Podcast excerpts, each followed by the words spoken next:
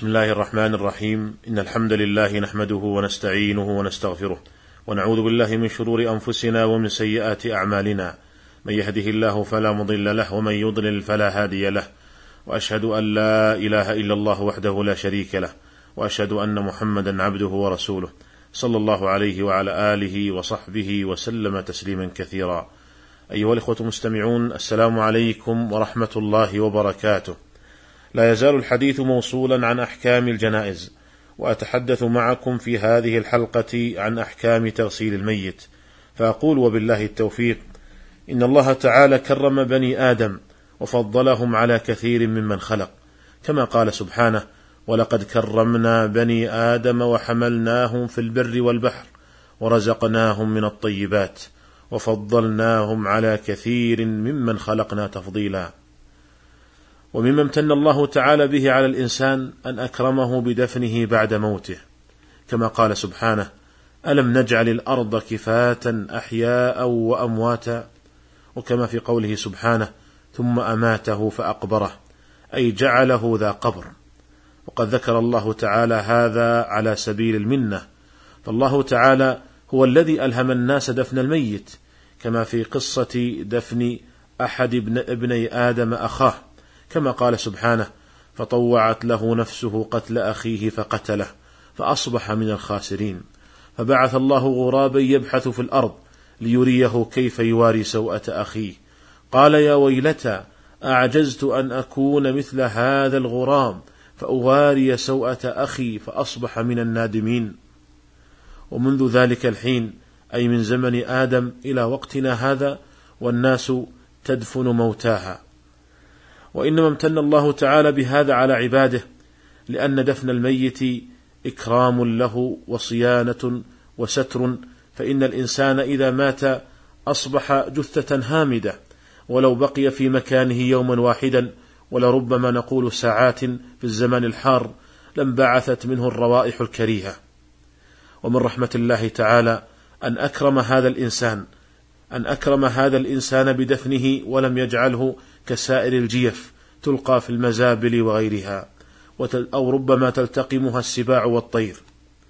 وقد انتكست بعض طوائف بني آدم عن هذه الفطرة فهم, فهم يحرقون موتاهم بالنار ولا شك أن هذا فيه إهانة لهذا الميت وانتكاس عن الفطرة السوية التي كان الناس عليها من زمن آدم عليه السلام. أيها الإخوة المستمعون وفي دين الإسلام يجب قبل دفن الميت تغسيله وتكفينه والصلاة عليه. وهذه كلها من فروض الكفاية. قال الموفق بن قدامة رحمه الله لا نعلم فيه خلافا.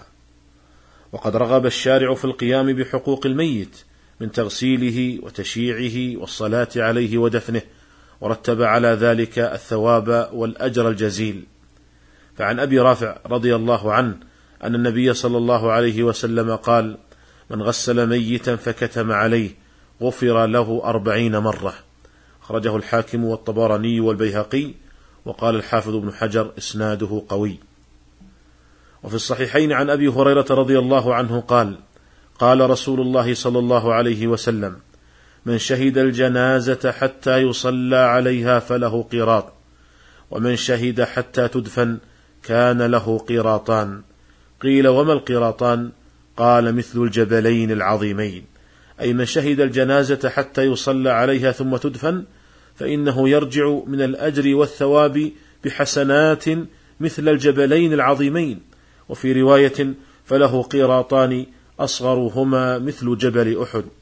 وجاء في رواية البخاري أن عبد الله بن عمر رضي الله عنهما لما بلغه هذا الحديث قال لقد فرطنا إذا في قراريط كثيرة. قال الحافظ ابن حجر رحمه الله: وفي هذا الحديث الترغيب في شهود الميت والقيام بأمره والحظ على الاجتماع له والتنبيه على عظيم فضل الله تعالى وتكريمه للمسلم في تكثير الثواب لمن يتولى أمره بعد موته. وأولى الناس بتغسيل الميت وصيه في ذلك ثم أبوه ثم جده ثم الأقرب فالأقرب من عصباته. وهذا إنما هو عند المشاحة في تغسيله. أما إذا لم يكن هناك مشاحة كما عليه الحال في وقتنا الحاضر فيغسل الميت من يحسن التغسيل من المسلمين. ويجوز لكل من الزوجين تغسيل الآخر. قال الموفق بن قدام رحمه الله والقول بجواز غسل المرأة زوجها هو قول عامة أهل العلم. وقد حكاه ابن المنذر إجماعا. قالت عائشة رضي الله عنها لو استقبلنا من أمرنا ما استدبرنا ما غسل رسول الله صلى الله عليه وسلم إلا نساؤه. رواه أبو داود. وأوصى أبو بكر رضي الله عنه أن تغسله امرأته أسماء بنت عميس ففعلت. وغسل أبا موسى الأشعري امرأته. قال الإمام أحمد ليس فيه اختلاف بين الناس. وأما تغسيل الرجل امرأته فيجوز كذلك في قول جمهور أهل العلم.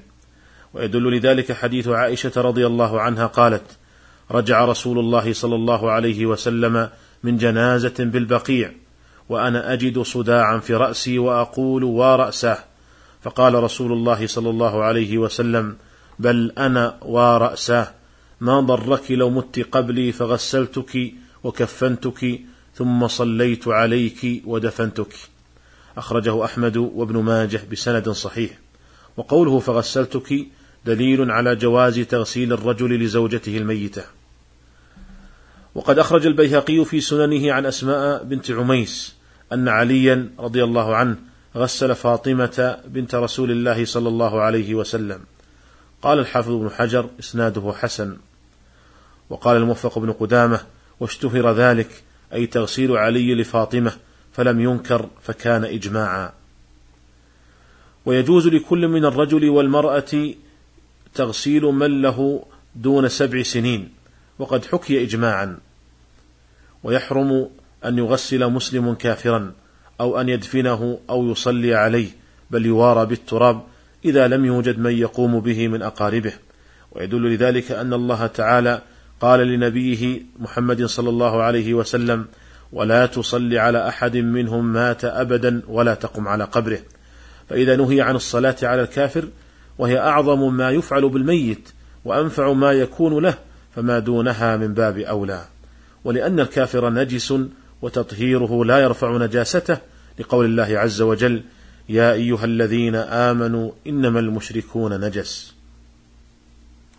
أيها الإخوة المستمعون وصفة تغسيل الميت أن يستر عورة الميت اولا بأن يلف عليها لفافة ونحوها ثم يجرده من ثيابه ويغسله في مكان لا يراه الناس ويكره أن يحضر تغسيل الميت سوى المغسل ومن يعينه فقط ثم يرفع رأسه إلى قرب جلوسه ويعصر بطنه برفق ليخرج ما هو مستعد للخروج.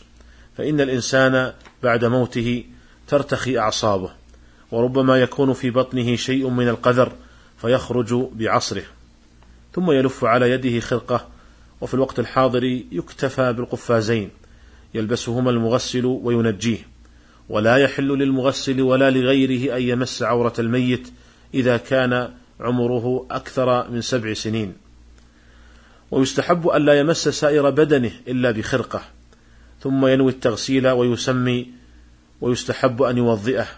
ولا يدخل الماء في فيه ولا في أنفه بل يدخل إصبعيه مبلولتين بالماء بين شفتيه فيمسح أسنانه ومنخريه ثم يغسل رأسه ولحيته برغوة سدر وفي الوقت الحاضر يمكن أن يستغنى عن السدر بالمنظفات الحديثة من الصابون أو الشامبو ونحوها.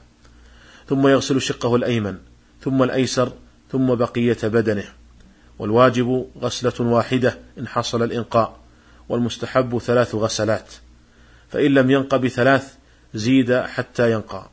ويستحب أن يجعل في الغسلة الأخيرة كافورا لأن الكافور يصلب بدن الميت ويطيبه ويبرده.